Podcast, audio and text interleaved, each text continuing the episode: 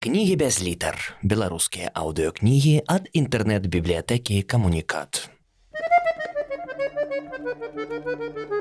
Артур Клінаў. Локісаў. Раман.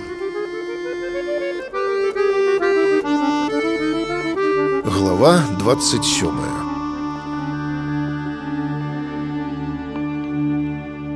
Знізу зноўку даляталі рогат і п'яныя галасы, разаленай козелы ўсё болей і болей разгойдвалі шлюбны караблік гатэля, пахістваючыся локісаў за гідай перакаціў цукровае дзіця вялікай малой мядзведзіцы падалі ў цёмны кут і вярнуўшыся ў ложак узяў у руки чарговы часопіс. Артыкул, які ён там прачытаў, яго вельмі заінтрыгаваў.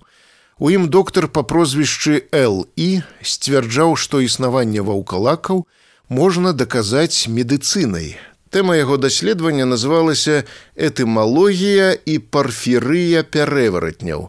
Ён пісаў аб парфірынавым захворванні, асаблівай чуллівасці да святла, якая можа выклікаць змены ў стане скуры і ў афарбоўцы зубоў, што ў сваю чаргу можа прывесці да лікантропіі і дэпрэсіўна-маніякальнага стану, калі чалавек страчвае розум. Ён не робіцца ваўком, але ператвараецца ў лікантропа, істоту вельмі далёкую ад чалавека па псіхічным і фізычным стане. Зацікавіўшыся новым для сябе словам, Локісаў пачаў капаць далей і наткнуўся на вялікі матэрыял аб лікантропіі.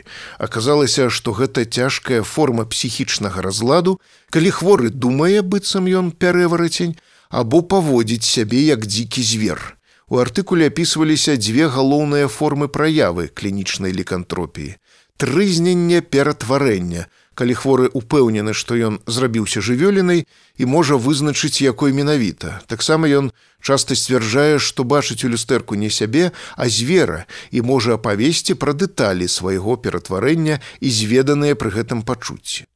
Другі выпадак паводзіны хворага цалкам адпавядаюць паводзінам звера. Ён бегае на карачках, брэша, вые на месяц, кусаецца, спіць на зямлі, здымае з сябе вопратку, часам лікантроп можа быць скрайне агрэсіўным і вельмі небяспечным.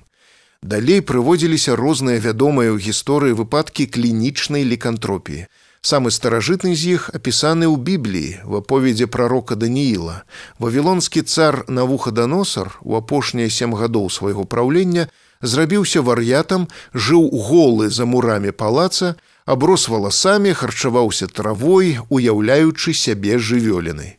З сучаснасці апісваўся выпадак аднаго вядомага маскоўскага мастака па прозвішчы сабака, які ўявіў сябе куліком.